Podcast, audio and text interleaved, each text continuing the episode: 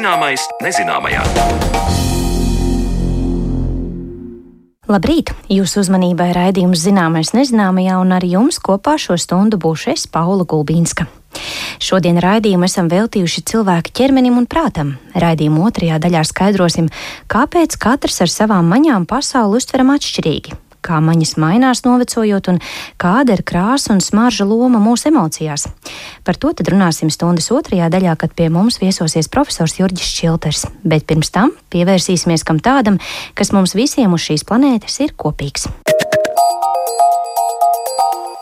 Ja aplūkojam tuvāk mūsu DNS ķīmisko sastāvu un struktūru, redzam, ka cilvēkam tā ir tāda pati kā priedei, vilkam un pat drozofilai kas padara mūsu gēnus līdzīgus un atšķirīgus starp sugām un sugas ietveros, par to tad mūsu arhīva stāstā.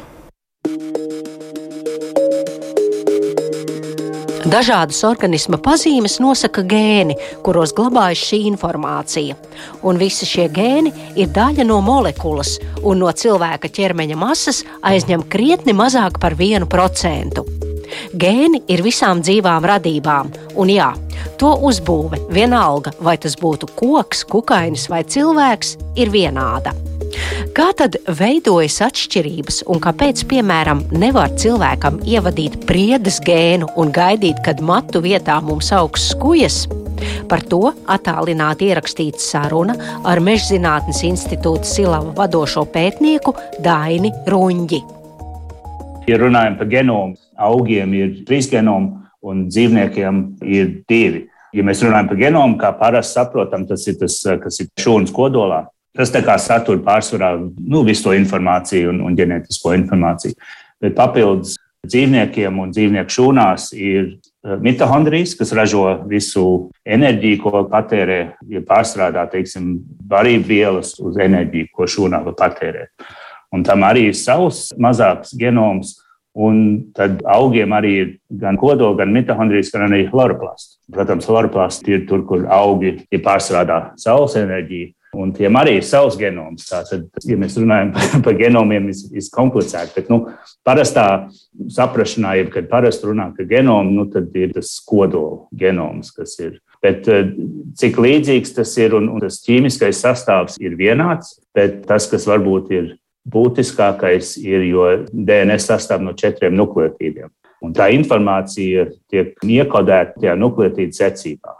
Un tas, protams, ir tas, kas atšķirās starp sugām, starp individiem un kas nosaka katram ģenētiskās īpašības un, un īpatnības. Nereizi vien esam stāstījuši par cilvēku slimību izpēti, kur kā modeļus izmanto mazās augļu mušiņas drozofilas vai zebrziltiņas. Izrādās, ka piemēram augļu mušiņām un cilvēkam ir vairāk kā 60% kopīgu gēnu, kas ir saistīti ar cilvēku slimībām. Ir ļoti viegli, ļoti daudz viņu saražot un novērot, kā dažādas mutācijas ietekmē dzīvnieku vai ārējo izskatu. Un tad arī tad pētīt, un parasti arī šīm sugām ir salīdzinoši mazs tas genoms, nu, vieglāk noteikt visu to nukleotīdu secību. Un tādā ziņā var izpētīt, teiksim, ir mutācija vienā gēnā, kas, teiksim, tajā zebras zivtiņā vai rozopilā izmaina kaut kādu īpašību, nu, teiksim, acu krāsu. Un tad var atrast to mutāciju, kas to izraisa, salīdzinot ar citām, kam nav tāds, ja bija kam ir atšķirīgs acu krāsas, salīdzināt, atrast tās atšķirības.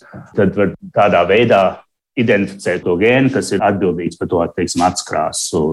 Un tad mēs zinām, kāds tas gēns ir, kādas funkcijas viņam ir, varbūt kādu proteīnu viņš kodē un tā tālāk. Un to arī var pārnest uz citām sugām un meklēt līdzīgus gēnus citās sugās, un arī meklēt mutācijas tajās un, un kā tas ietekmē to ārējo izskatu. Un tas ir īstenībā tas ir mutācijas un izmaiņas, ir tas pamats, kā pētnieki var noteikt gēnu funkciju. Un visus šos gadus ir izmantotas teiksim, dažādas veidas mutācijas, kas vai nu izmaina vai aptur gēnu funkciju. Un tad var noteikt, kāda gēnu funkcija tā ir. Dainis Runģis skaidro, ka arī skatot koku gēnus, tiek izmantotas šādas pašas modeļu sugas - nelieli, ātri augoši un viegli kopjami augi. Un tāds ziedaugs ir tāla sīkplikstiņš, attāls kāpostu un sinepju radinieks, kas daudz viet ir plaši izplatīts dabā un līdzīgs sinepju ziediņam. Un tā īsā dzīves cikla un nelielā genoma dēļ šis audziņš kļuva par vienu no ģenētikas modeļa organismiem. Tāla sīkplikstiņš ir iegājis ģenētikas vēsturē kā pirmais augs, kam tika sekvenēts genoms, proti nolasīts, kādā secībā ir viss gēnu kopums. Nulviem ir, ir maziņš genoms, viņš ir viegli audzējams, viņš tas ir bijis kā modeļs. Tā tad ir bijušas šīs modeļu sugas, pārējās sugas, kas ir arī varbūt, teiksim, meža saimniecības, lauksaimniecības būtiskas, tās pišķiņ lēnāk ir attīstījušās, jo viņiem nu, teiksim, īpaši skujkokiem ir ļoti lieli genomi. Salīdzinot ar teiksim, cilvēku genomu, skujkokiem ir apmēram 8 līdz 10 reizes lielāks genoms, vairāk DNS. Un arī teiksim, tagad, uh, tikai pēdējos, varbūt piecos gados, ir pietiekami attīstījušās tehnoloģijas, tieši DNS sekvenēšanas tehnoloģijas, lai varētu nu, arī nolasīt uh, puslīdz precīzi skujko genoms, kas, kas agrāk nebija iespējams. Pat pirms 15 gadiem, kad strādāju tieši pie Eglis, viena no pirmām Eglis eh, genoma projekta, un tad arī neviens tajā brīdī nedomāja, ka būs iespējams no, nosekvencēt visu eglis genomu. Bet nu, tagad tas ir izdarīts jau pirms vairākiem gadiem. Tas ir tas tehnoloģijas attīstība. Ja gēnu uzbūve ir vienāda, tad to izpausme atšķiras, un tie var darboties arī citā organismā, neietekmējot pārējā šī organisma kopumu. Un te ir jāatceras aptuveni 20 gadus sena vēsture, kad daudz vietā pasaulē cilvēki sāk uztraukties par lielveikalā nopērkamiem tomātiem un gurķiem, kam bija ievadīts ledus zivs gēns, tādējādi piešķirot dārzeņiem ilgāku glabāšanas laiku, bet ne zivs aromātu vai zvīņas uz mīzes. Parasti nav viens gēns, kas nosaka vienu īpašību. Teiksim, ir, ir daudz gēni, kas miedarbībā strādā viens ar otru. Tas ir viss tajā kontekstā. Tāpēc, ja izņem priedes gēnu no priežu genoma un ieliek cilvēkā, tad, protams, viņš tagad neizskatīsies kā ar skujām vai tā. Jo, jo, nu, jo katrs gēns, teiksim, iekodē kaut kādu funkciju, un tas varētu būt līdzīga funkcija. Dažādās sugās viņam varētu būt pilnīgi cita funkcija, bet, teiksim, miedarbības starp evolucionāro gaitu, ko var izmantot, kas jau ir, ko var bišķiņ izmainīt, kaut kādas īpašības. Teiksim, viens piemērs, kas bija viens no pirmiem ģenētiski modificētiem augiem, kas jau bija pirms, nu, laikam, pirms kaut kādiem 20 gadiem, bija tomāts, kas bija salisturīgs. Un tur viņi bija paņēmuši gēnu no vienas zivs sugas, kas dzīvo augstos ūdeņos. Viņiem ir tāds gēns, kas ir tā kā, nu, tas uh, saucamais antifrīzes gēns, kas ražo kaut kādu proteīnu, lai viņa asins nesasauc. Tas ir tāds proteīns, olbaltumviela, kas ļauj tāpat kā, kā mums ir veistikla šķidrumā vai, vai mašīnā, kas, nu, kas, kas lai, lai neaizsauc šķidrums. Un tad to arī var izmantot tomātos, jo, protams, ja tomāts galvenokārt šķidrums, ja to ieliek tur iekšā, tas tomāts ražo to gēnu, tad arī sasaustot, viņš nepaliek mīksts un neiet bojā. Jā, un tas, ka pārceļ vienu gēnu no zivs uz tomātu, nenozīmē, ka tomāts gaišos pēc zivis, ja aizpeldēs prom jau kaut kā tā. Tas ir viens gēns, kas ir izolēts un viņam ir viena specifiska funkcija, viņš ražo vienu specifisku proteīnu. Un, protams, zivī un tomātos viņš kalpo to pašu funkciju, bet nu, tas nenozīmē, ka tas uzreiz visas īpašības pārmet uz vienu vai otru sugu. Cilvēka genomu sāka sekvenēt pagājušā gadsimta 90. gados, un tas aizņēma aptuveni desmit gadus. Pateicoties šodienas tehnoloģijām, to var izdarīt vienas diennakts laikā. Un jo vairāk gēni tiek pētīti, jo sarežģītākā aina atklājas, teica Dainis Runģis.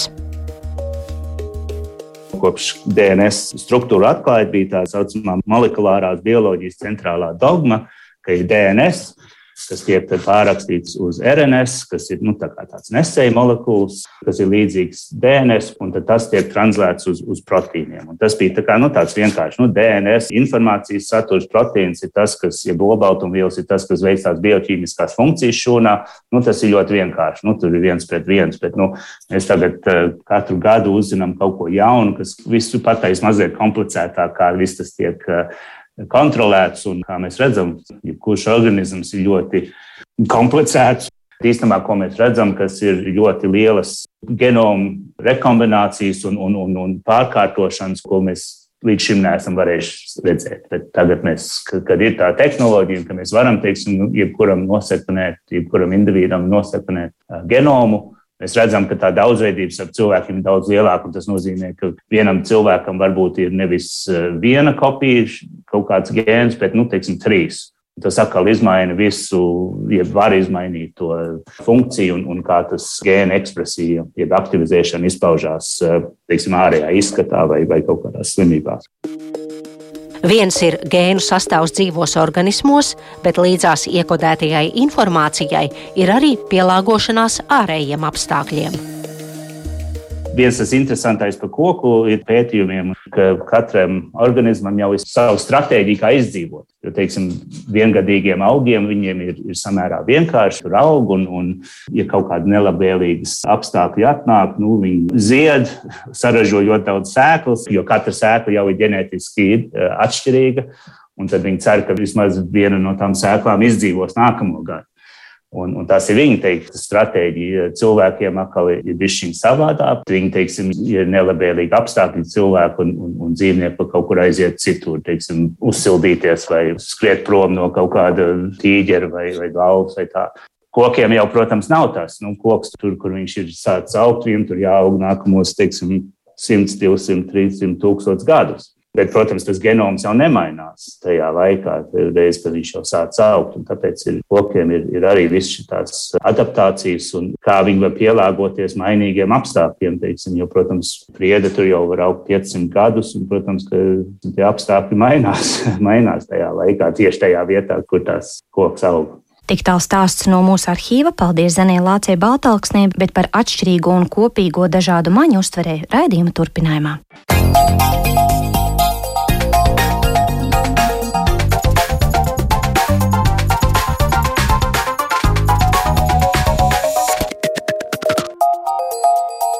Zināmais nezināmajā.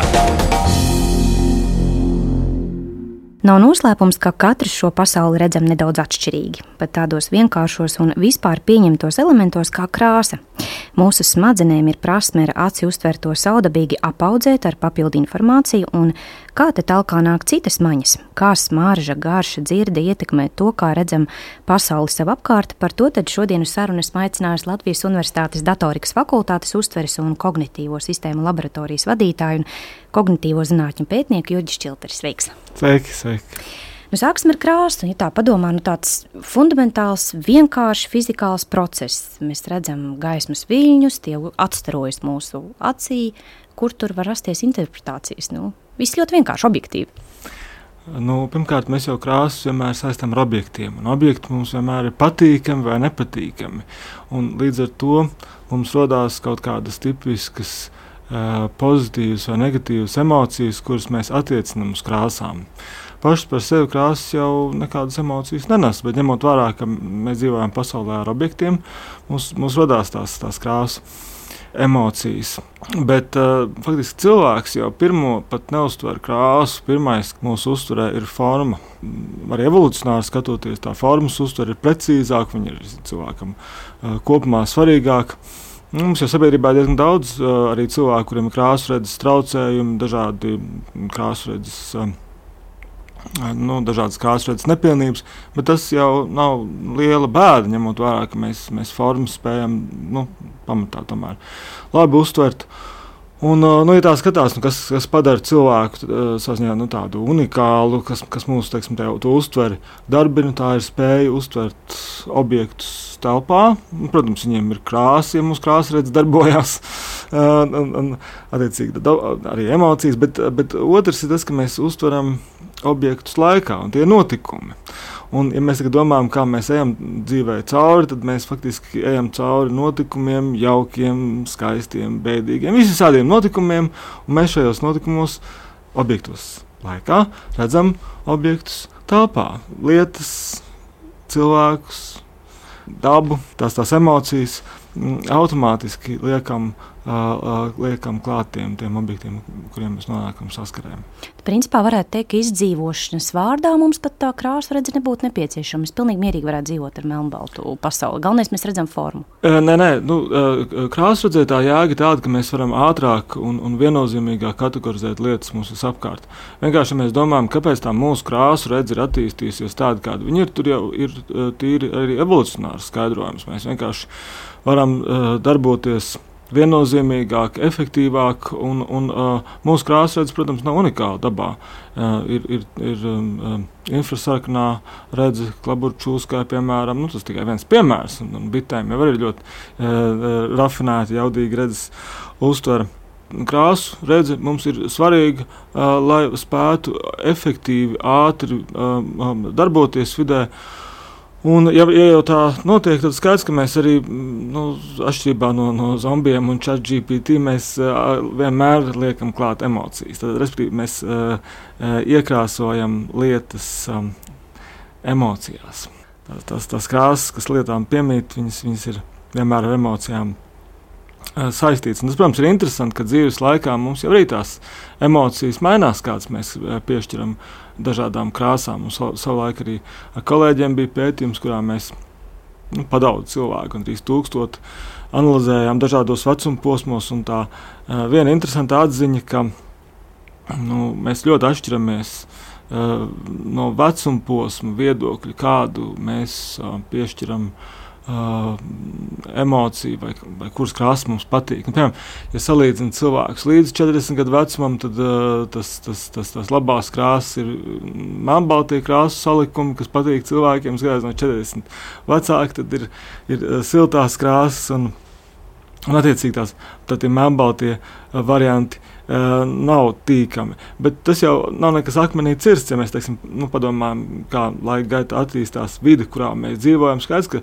ir, ir tipisks lietiņas un apģērbi un, un viss kaut kas, ko mēs izmantojam un kas mums patīk. Un skaidrs, ka tad, kad uh, nu, tās paudzes mainīsies, tad uh, laika gaitā arī krāsu preferences, nu, tas, kurš mums patīk, kurš mums nepatīk, arī mainīsies. Mm. Kurā brīdī bērnam parādās krāsu redzes piedzimstot? Vai tas ir kaut kas, ar ko viņš jau piedzimst, vai tas ir kaut kas, ko viņš attīsta? Nē, nē, nē. Tas attīstās, tas attīstās attīstības gaitā kopā ar citām maņām. Nu, faktiski tā nu, pirmā gada laikā diezgan vāja ir, ir tā cilvēka vizuālā sistēma kopumā diezgan vāja. Tas, kas darbojās pirmā gada laikā, ir diezgan laba uh, redzes lauka, nu, vizuāla lauka segmentācija. Ko tas nozīmē? Ka mazi bērniņi diezgan labi spēj nošķirt objektu no fona, no, no konteksta. Nu, ja mums kaut kas vizuālajā uztverē ir iedzimts, tad visticamāk tā ir spēja segmentēt redzes lauku. Bet tās, tā krāsa uztvere un, un arī objektu detalizācija attīstās vēlāk.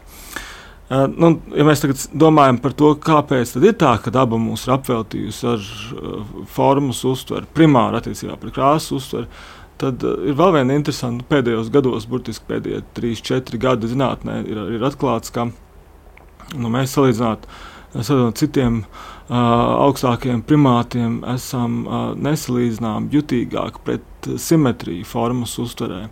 Teiksim, bija uh, franču kolēģiem ļoti uh, asprātīgs pētījums, kurā tika salīdzināti paviāni. Un, un, un cilvēki attiecībā pret uh, jutību, pret simetriju. Un, un, un pavijāniem viņi var iemācīt, protams, tas, tas jau ir iespējams. Uh, teiksim, pēc būtības viņi mācās ļoti līdzīgi eh, nu, mehāniskai ierīcei, to, to, to, to simetrijas jutību. Savukārt cilvēkam viņi ir automātiski un pilnīgi neatkarīgi no vecuma, no dzimuma. Mēs visi esam jutīgi pret viņu uh, formas simetriju. Tas mums emocionāli kaut kā liek justies labāk, vai mēs pilnīgi pieprasām to? Tas, tas pat, uh, mēs jau par to pat neapzināmies. Tas vienkārši jautājums, vai ir kaut kas, kas mūsu vizuāli uztver, uh, darbina kaut kāds, uh, teiksim, uh, princips, kur mēs neap, neapzināmies, bet, bet kas, kas ir pamatā. Nu, viena droši vien ir, ir uh, uh, objektu simetrijas uztvere.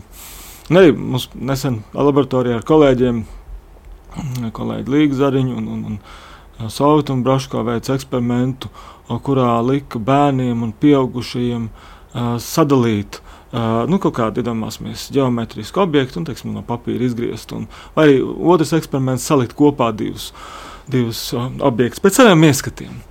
Un, un tas mūsu pārsteigums īstenībā, ir, ir arī savā ziņā apliecina to, ko, ko franču kolēģi bija atklājuši. Ka, Maziem bērniem ir daudz lielāka, augstāka tā, tas, tas jutīgums pret, pret simetriju. Teiksim, pieaugušie mazāk uzmanību pievērš simetrijai nekā, nekā bērni. Mēs teiksim, salīdzinām kaut kādus 5, 7, 8 gadus vecus bērniņus. Viņiem ir ļoti, ļoti rafinēta simetrijas uztvere gan tajā, kā viņi dala tos objektus, gan arī tajā, kā viņi liek kopā. Pieaugušie tā ir cita galaktika savā ziņā.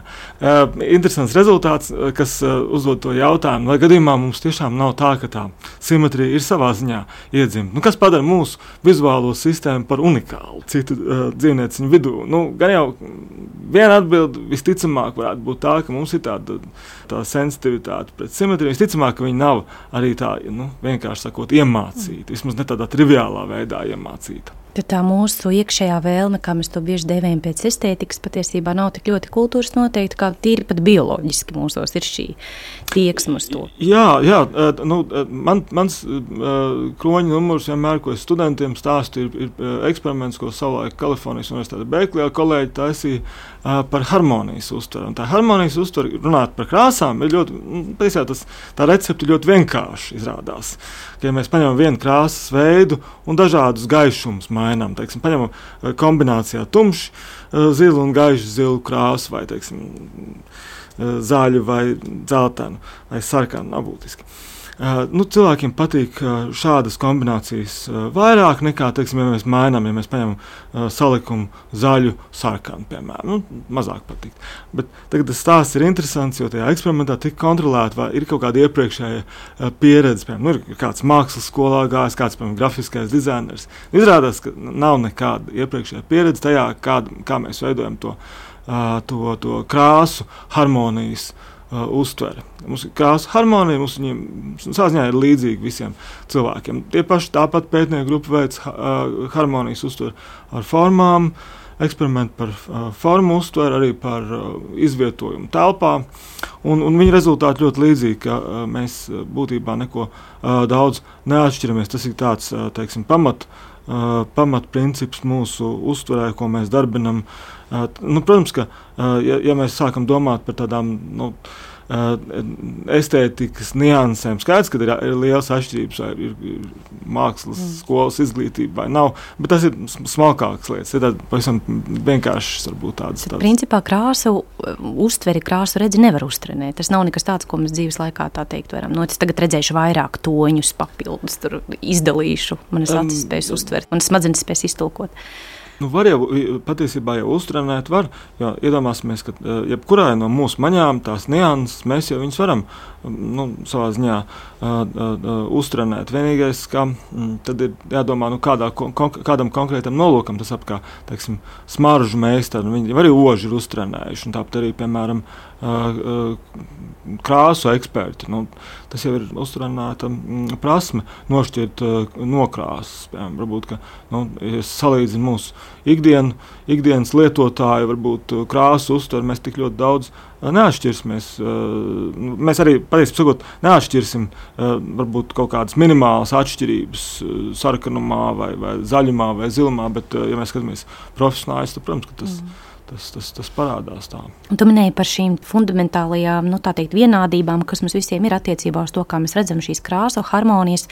Kur tad rodas šīs interpretācijas? Nu, kāpēc ir tas vecais jautājums par to, vai kleita bija zila vai brūna? Jo nu, skaidrs ir objektīvā realitāte. Tā kleita galu galā tomēr izrādījās, ka ir zila, kāpēc mēs, mūsu smadzenes pieļauj šādas atkāpes no normas? Tāpēc, ka mums katram ir uh, pieredze un tipiskie uh, apstākļi, kurā mēs objektus redzam. Un, un, ja mēs to ja runājam par visiem zināmo kleitu ilūziju, ja mēs esam ja, nu, šādu veidu apģērbus tipiski redzējuši uh, mākslīgi apgaismojumā, skaidrs, ka mūsu tā, tā, tā, tā pieredze uh, nu, nedaudz pārveido to, to mūsu uztveri.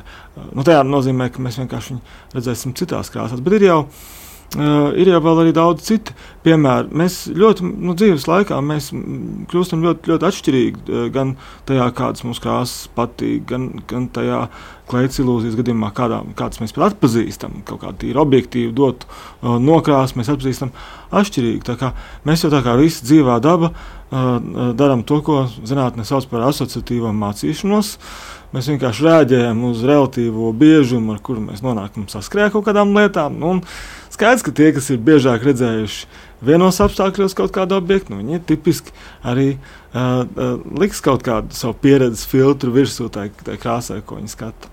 Tad rodas jautājums, kāpēc mums ir šie daudzie krāsu apzīmējumi. Ja gala beigās tas olīvu zaļais vienam izskatīsies pēc sunu zaļa, bet mēs viņu nosaucam par olīvu zaļu. Vai vispār jēga no tādiem, jo, nu, principā, nu, katrs jau redz bišķiņu citādāk to toni. Jā, bet nu, tas ir jāskatās tā, ka, ja mēs skatāmies tādu to vienkāršo vidusmēru cilvēku, kurā es arī sevi e, kategoriju, kurā es sevi arī ieklasificēju šai ziņā, nu, gan jau man tā salātu zaļā, vai nu, es e, neteiktu, ka tur ļoti būtisks tas atšķirīgs, ja man parāda zaļu, visticamāk es teikšu, tas ir gaišs, zaļš, tumšs un, un, un e, daudz vairāk atšķirību Uh, tur nebūs. Bet uh, redzi, kopumā tā situācija nav tik traka, jo mums ir diezgan daudz tās uh, krāsu kategorijas, kurās mēs diezgan vienprātīgi varam salikt krāsu. Latviešu valodā ir tāds mazliet kurjos gadījums. Mēs savulaik ar, ar Nīderlandes kolēģiem veicām pētījumu tieši par latviešu valodu un latviešu krāsu kategorizāciju. Un violets un lilā, kas objektīvi mūsu eksperimentā bija viena krāsa, tur gandrīz puses puses sadalījās, kuriem cilvēki, kuriem likās, ka ka, ka tas ir violets. Viņi gatavi stāv, stāvēt un krist par to, ka tas ir violets un puses, kas ir lilā. Bet nu, labi, tas tāds mazliet uh, kurjos ir izskaidrot, kāpēc tas tā ir bijis. Bet uh, kopumā krāsām ir tā, ka mums ir diezgan labas tās krāsu kategorijas. Uh, un kāpēc tā? Tāpēc, ka redzi jau kopumā, salīdzinot ar citām maņām, ir uh, mazliet precīzāka un, un vairāk lietota, un arī, protams, vairāk izpētīta maņa. Ja mēs domājam par tādu maņu kā ožu, tad uh, mums ir daudz lielāka nošķirtspēja nekā krāsu gadījumā, vai arī skaņu gadījumā. Tad tie, tie nosaukumi tam, tam smaržām ir ļoti mazi. Tā ir tāda mazliet uh, uh nu, uh, paradoxāla situācija, ka vislielākā vis, vis nošķirtspēja, ja mēs salīdzinām dažādas mūsu maņas, ir uh, ožā, tātad mm. uh, smaržu uztverē. Uh, Mums ir ļoti maz tās kategorijas, nu, cik, mēs, eh, cik mēs varam aprakstīt smaržas. Ļoti maz viņas. Man liekas, vīnziņi zina visus dīvainākos veidus, kā nosaukt dažādas smaržas, kas mums pat prātā neienāk. Jā, nu, jā gan jau, ka tur ir pētītos arī tās individuālās atšķirības, bet nu, kas ir skaidrs, teiksim, mūsdienu zinātnē, ka tā, tā nu, nu, oža kopumā cilvēkam ir ļoti jaudīga. Tā jā, nu, nozīmē, kā, cik mēs varam to, to, to pasauli detalizēti uh, sadalīt dažādās mm. ožu kategorijās. Problēma, ka mums nav, nav nosaukumu. Viņai nav uh, laba valodisko kategoriju struktūra. Tas nav citu, visās valodās. Tā ir daži izņēmumi, bet nu, kopumā visās, ja, ja, vairumā valodu, kuras ir pētītas, oži ir diezgan slikti izteikti valodā.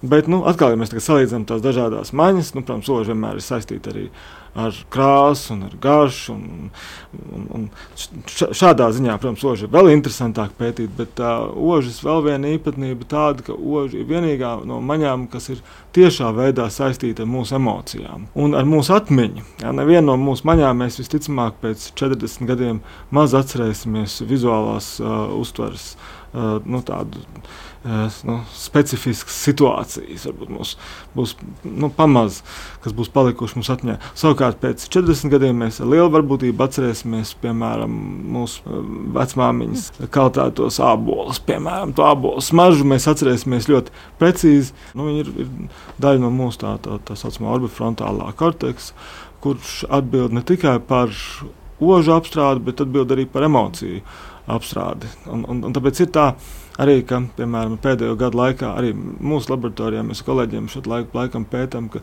nu, tās um, smaržas ir saistītas ar cilvēku noskaņojumu, ar cilvēka, uh, nu, piemēram, arī ar depresīviem noskaņojumiem un, un ožas. Uh, vājināšanās uh, liecina par kaut kādiem psihosomatiskiem traucējumiem. Ir, ir ļoti daudz pētījumu pēdējo gadu laikā, nu, lielā mērā saistībā arī ar Covid. Uh, izraisīto ožu zudumu, kad tātad uh, ožas traucējumi ir ļoti labs rādītājs arī kaut kādiem depresīviem traucējumiem. Vienkārši tā ir tā joma, kur būtu ļoti daudz vēlams strādāt, jo mēs faktiski te testējot ožu, mēs varam daudz nekaitīgākā veidā konstatēt, vai cilvēkam ir kaut kāda psihosomatiska traucējuma. Nu, izrādās, ka arī, arī nerdeģeratīvi traucējumi ir, ir, ir, ir, ir tādi, kurus mēs varam pētīt, izmantojot olfaktoro ja božas uztveri. Esmu dzirdējis, ka Alzheimer pacientiem ir pastiprināta vēlme dažkārt pēc smaržām, jo, no nu, acīm redzot, šis ir tas stimuls, ko viņi vēlas, burtiski vēlas smadzenes saņemt, acīm redzot, jo tas pietrūkst kaut kā. Jā. Vēl nedaudz pakavējoties pie tām krāsām un emocijām, kā tad ir krāsām, emocijām un ožai kopā? Nu, es, piemēram, iztēlojos kādu cilvēku seju, es varbūt iztēlojos smaržu, kas man saistās mm. ar šo vidi un, un, un cilvēku, un automātiski var radīt kaut kādas patīkamas, nepatīkamas emocijas. Protams, jā, tā jau arī normāli notiek. Mēs jau tad, kad mēs uztveram objektus, mums uh, ir uh, vizuālā uztvere, kur tiek uh, sastatīta ar to mūsu nu, ožu materiālu, atmiņā vai, vai realitātē. Un arī gan jau kaut cits arī taust un, un, un, un garš atkarībā par ko mēs uh, runājam. Vienīgais, kas, tā, varbūt, kas tā īpatnība, nu, redzes uztver kopumā ļoti ātri. Tā ir visātrākā no visām mūsu maņām. Uh, oža nav tik ātra, bet ožai piemīt tā, tas emocionālais uh, iekrāsojums, kas savukārt uh, vizuāli uzturēja mazākā mērā. Šogad, pavisam nesen, pirms, pirms dažiem mēnešiem, kolēģiem no Oksfordas bija um, pētījums, kurā viņi testēja uh, raupjuma uh, uztveri. Jo, nu, mēs varam aprakstīt, kā izskatās raupīšu objekts. Mums ir arī taustas pieredze, kas ir raupīši, bet izrādās, ka arī arī tajās saucamajās ķīmiskajās maņās, kas cilvēkam ir uh, oža un garša, arī tajās ir, ir, ir raupjuma uztvere. Mums var būt raupjas smaržas vai raupjas garšas, bet uh, nu, tas, tas ir 2023. gads. Mēs uh, savā ziņā esam tādā jocīgā situācijā, ka tā zinātne ir virzījusies tādās paralēlās uh, pasaulēs. Ir, ir vizuālās uztveres pētnieki, taustas, uh, skaņas pētnieki. Viņi patiesībā uh, gadu simtiem nav īpaši viens ar otru komunicējuši. Tas jautājums, kā mēs veidojam tādu sakarīgu pasaules mm. uztvērumu, kur mēs liekam kopā redzi un, un, un smaržu un tausti. Tieši tā, es tieši vēlējos jautāt, nu, ko mēs zinām par šīm maņu sadarbībām, vai varbūt patiesībā varbūt kādreiz vienotrai traucē. Jo, nu, ja mēs ejam ēdnīcā, man liekas, mūsu redzi ļoti labi sadarbojas tajā brīdī ar smaržu, vai es te gribu palikt, vai kaut kas no tā, ko es te redzu, man uzrunā, vai es to ēdīšu. Ja? Piemēram, dzirde un redze, vai tas, ko mēs dzirdam, ietekmē to, kā mēs redzētu uztvert. Jā, un, un, un par krāsu, nu, krāsu ietekmē, piemēram, garšu. Latvijā viņš ir vairāk kārtīgi testēts mūsu laboratorijā. Piemēram,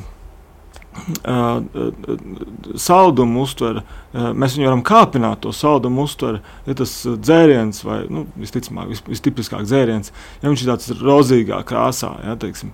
savukārt zils un zaļš iekrāsots dzēriens, viņš tipiski pazemina to, to saldumu uztveru, viņš liekas kā mazliet skābāks. Tā, tas ir viens piemērs, kur tās maņas ir, ir, ir saslēgtas kopā. Nu, piemēram, mēs augstas skaņas un zemes, zem, zemes skaņas, zem toņi. Nu, viņas tipiski saistītas arī ar, ar ga, gaišām krāsām un tumšām. Teiksim, tās nepiesātinātās gaišās krāsas vistipiskāk ir saistītas ar smalkajām, augstajām, augšējām skaņām, un teiksim, tās dobjās ir ar, ar tumšajām, piesātinātajām.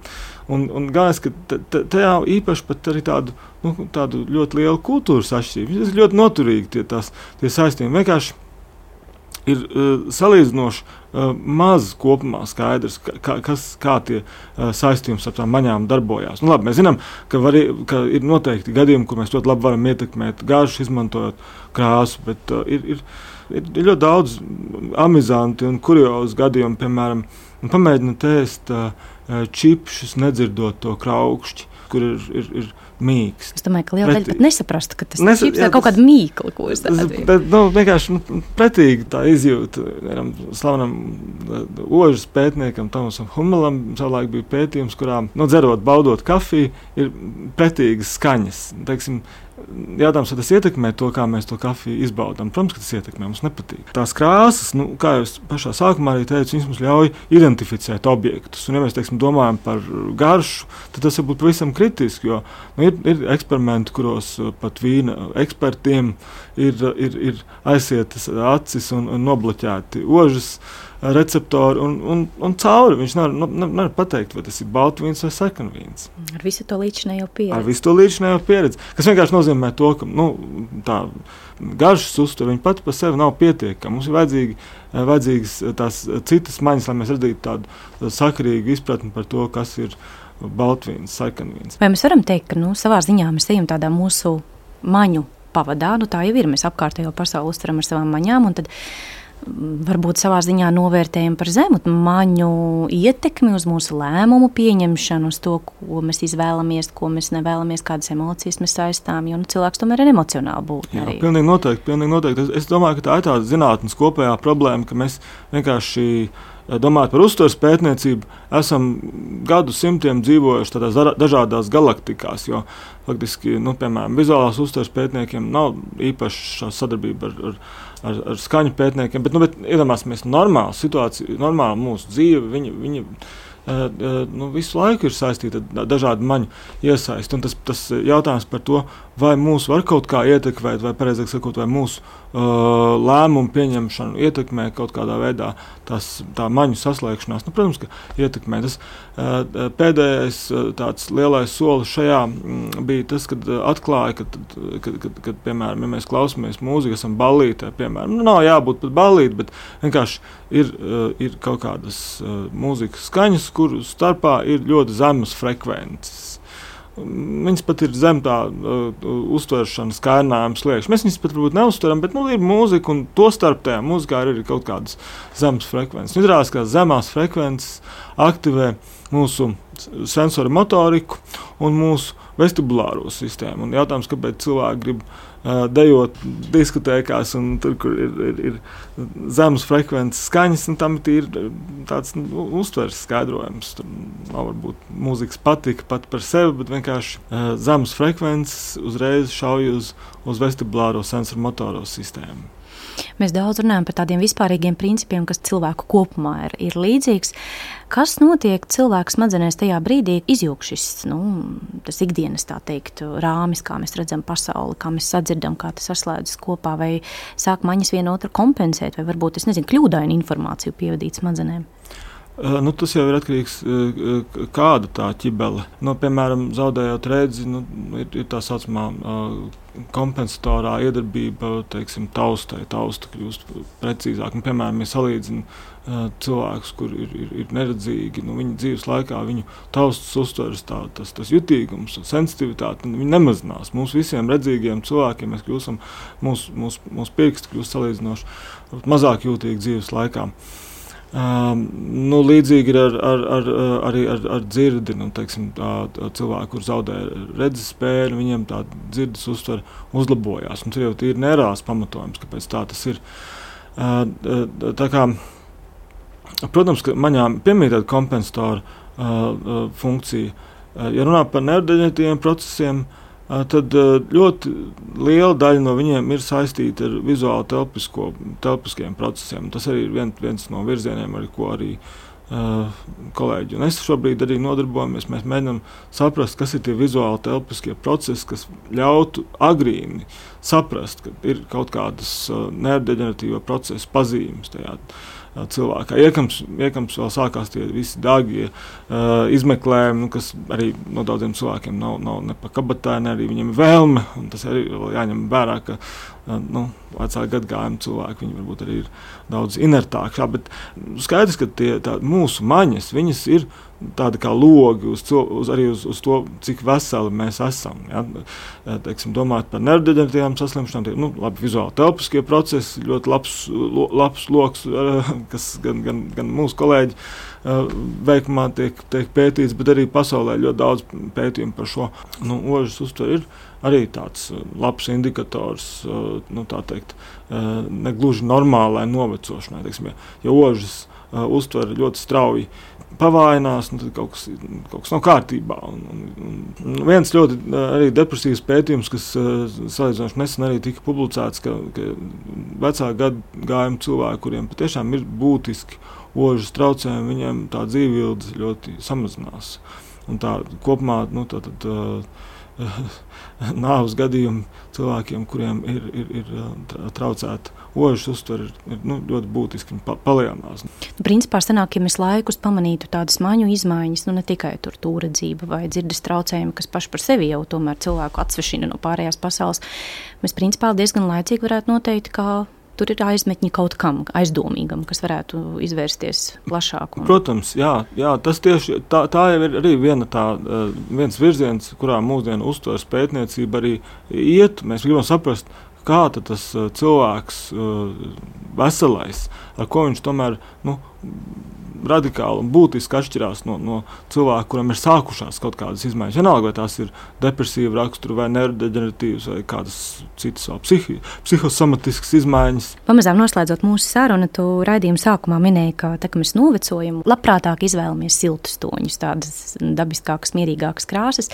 Vai tas pats ir arī ar garšu, ar rožu, ar skaņu? Ir kādas izmaiņas mums dzīves laikā novecojot? Mums visas mūsu maņas, viņas, viņu kainājums, liekšņi paaug paaugstinās. Tas nozīmē, ka nav jau tā, ka mēs uh, nevarētu sajust nianses mažās ne, vai, vai, vai garšā. Vienkārši uh, mums tas, tas kārdinājums slieksnis, kas nepieciešams, teiksim, lai uztvertu smaržu, viņš vienkārši ir augstāks. Nu, redz mazliet savādāk, bet arī uh, nu, mēs varam diezgan paredzami uh, teikt, uh, ka nu, tātad, kaut kādā noteiktā vecumā uh, cilvēki redz, būs vājāki. Un interesanti, ka tas jautājums, kas ar mums notiek dzīves laikā, viņš ir, protams, saslēgts kopā arī ar emocijām. Jo, nu, tagad, kā jau teicu, mēs jau visu laiku redzam uh, lietas. Uh, pozitīvas, negatīvas, un, un mēs viņus saliekam kopā ar tām krāsņām. Līdz ar to mums arī veidojas tās krāsu, emociju asociācijas. Viena interesanta lieta tāda, ka cilvēkam mūža nu, teiksim, otrajā pusē viņam ir tendence, ka viņam tās emocijas, emociju intensitāte kopumā nedaudz krītās. Izņemot uh, vienu gadījumu. Tā ir laimes izjūta, kas saglabājās salīdzinoši noturīgi visu dzīves laikā. Cilvēki grib būt laimīgi visos savos dzīves periodos. Jā, nu, visticamāk, tas jau ir tāds gan jau kā evolūcionāri arī uh, pamatots princips, ka nu, tā ir tā emocija, kas mums ir dzīves laikā noturīga. Mēs esam mēs varbūt mazāk uh, dusmojamies, mazāk uh, varbūt arī krenķējamies par lietām. Nu, kā, nu, vien, kurēs, bet nu, to, tomēr vidusmēra mums tās emociju intensitāte nedaudz mazinās. Bet, bet ne, laimes izjūta. Vai varam teikt, ka arī maņu pārsātinājums senioriem būs grūtāk panesams nekā, piemēram, jauniešiem? Nu, krāsas, skaņas, visa kā par daudz, ko mēs, man liekas, šajā gadsimtā mēs diezgan daudz dabūjam. Es, es domāju, tas ir sarežģītāk, jo, jo senioriem sanāk lietot dažādas maņas, lai gūtu to sakrīgo pasaules bildi kopumā, lai saliktu to, to puzli kopā. Es, es, es, es domāju, ka tā cilvēka dzīves gaita, viņa jau kopumā nav pēc principa, ka kādā konkrētā brīdī cilvēka maņas viņas, kļūst nu, kritiski nespējīgas. Ne, nu, tā var būt, bet tas ir, ir, ir, ir nu, kaut kāda kliniska traucējuma. Mhm. Bet drīzāk ir tas, ka teiksim, tā normālās novecošanas gadījumā cilvēks spēj sastatīt to, to, to uztvērumu ar, ar dažādām maņām, kaut kādā veidā viņas sabalansē tā, ka tomēr tā, tā dzīve ir salīdzinoši eh, jēdzīga, tverama. Un, un, un tāpēc arī mm, tas, tas uzskats, ka uh, veci cilvēki viņiem ožu, piemēram, vai garš ir švakāk. Nē, vienkārši tas skaidrojums slieksnis ir, ir augstāks. Nu, tāpat arī mēs esam visu mūžu strādājuši, mums vienkārši pirksti kļūst uh, no, nodilst, jā, un mūsu teiksim, tausts uztver. Uh, strādājot mazāk veiksmīgi, nu, tāpēc vienkārši tā, tā taustas um, sensitivitāte mazinās, bet arī nu, teiksim, ne, ne, ne, neredzīgiem cilvēkiem. Kā, tas, ko es gribu teikt, ka mēs jau kompensējam tās maņas vienu ar otru. Mēs saliekam, mēs viņus kaut kā, mūsu maņas ir tāds skaists orķestris, ko mēs dzīvē katrā brīdī dažādi darbinam. Pašās beigās, atgriežoties pie krāsām, Kaut kur nesen lasīju tādu pētījumu, ka lielākā daļa pasaules iedzīvotāju par savu mīļāko krāsu sauktu tirkīs zilo. Lai gan patiesībā, ja mēs tā dabā paraugamies, nu nekur jau diži daudz mēs to tirkīs zilo neredzam, ja nedzīvojam pie okeāna dienvidos. Vai tāds mīļākās krāsas koncepts vispār ir jēgpilns, vai tas ir vienkārši nu, tāds bērnībā foršs spēlīte, kas ir tava mīļākā krāsa? Jā, tas ir ļoti jēgpilns. Tas, tas, kādas krāsas cilvēkam patīk, pat ja mēs sakām, ka mums nepatīk, mums nav mīļākā krāsa, tad mums ir, ir ja mēs uztaisām tādu testu ar cilvēku krāsu izvēlēm, mēs konstatējam, ka mīļākās krāsas ir un ar to viss ir kārtībā. Par to tirkiju zilo, zilo tas ir ļoti interesants stāsts tajā ziņā, ka Un vispār zilā krāsa ir salīdzinoši tīkamāka cilvēkiem, jo vienkārši nav jau uh, pretīgu lietu zilā krāsā. Vienkārši tā ideja ir tāda, ka mēs jau, kā jau teicu, mēs tās emocijas, patika, nepatika, uh, mēs, viņus, mēs viņus vienmēr liekam kopā, mēs viņus pastarpinām ar tām lietām. Nu, līdz ar to visās kultūrās zila būs salīdzinoši ok. Ja? Mēs varam ļoti meistarīgi, ļoti gaumīgi zilo, mēs varam ļoti, nu, varbūt, nu, arī netīkamu zilu krāsu izveidot, varējot tās nokrāsas, bet kopumā nu, visās kultūrās tā, tā zilā ir salīdzinoši laba krāsa, jo nav jau pretīgas lietas. Universālais kareivs tāds. Tieši tā. Vai zila ir arī tava mīļākā krāsa? Nē, nē, nē, es pat īstenībā tā grūti uzreiz pateikt, kas būtu mana mīļākā krāsa. Bet uh, es gribētu teikt, tā, ka par katru krāsu var uzrakstīt uh, veselu sējumu pētījumu. Tāpēc, ka, ja mēs paturam prātā, ka ir krāsas veids, mēs tagad runājam, ka zils, zaļš, bet tad ir krāsas piesātinājums un, un krāsas gaišums. Un, ja mēs viņus varējam, mēs varam katras krāsas gadījumā nonākt pie ļoti, ļoti skaistas un pie ļoti, ļoti pretīgas. Mm. Nu, tas ir teiksim, dzeltenā gadījumā, viņam ļoti, ļoti piesātinam un ļoti tumši paņemam to krāsu. Brūti gan netīkami. Sāk atgādināt kaut ko, kas mums nepatīk. Tieši tā. Jā, tiešām daudzveidīga ir tā mūsu maņu pasaule un, un ļoti niansēta, un maz ko vēl tomēr zinām arī par to, kā maņas saslēdzas, un, un daudz interesanta pētām. Teikšu paldies par sarunu Jurģim Šķilteram, Latvijas Universitātes datorikas fakultātes uztveres un kognitīvo sistēmu laboratorijas vadītājam un kognitīvo zinātņu pētniekam. Paldies arī mūzikas redaktoram Girtam Bišam, operatorei Kristīnai Dellei un ar jums šo stundu kopā biju es, Paula Gulbīnska. Lai jums jauka diena un uz tikšanos citu reizi!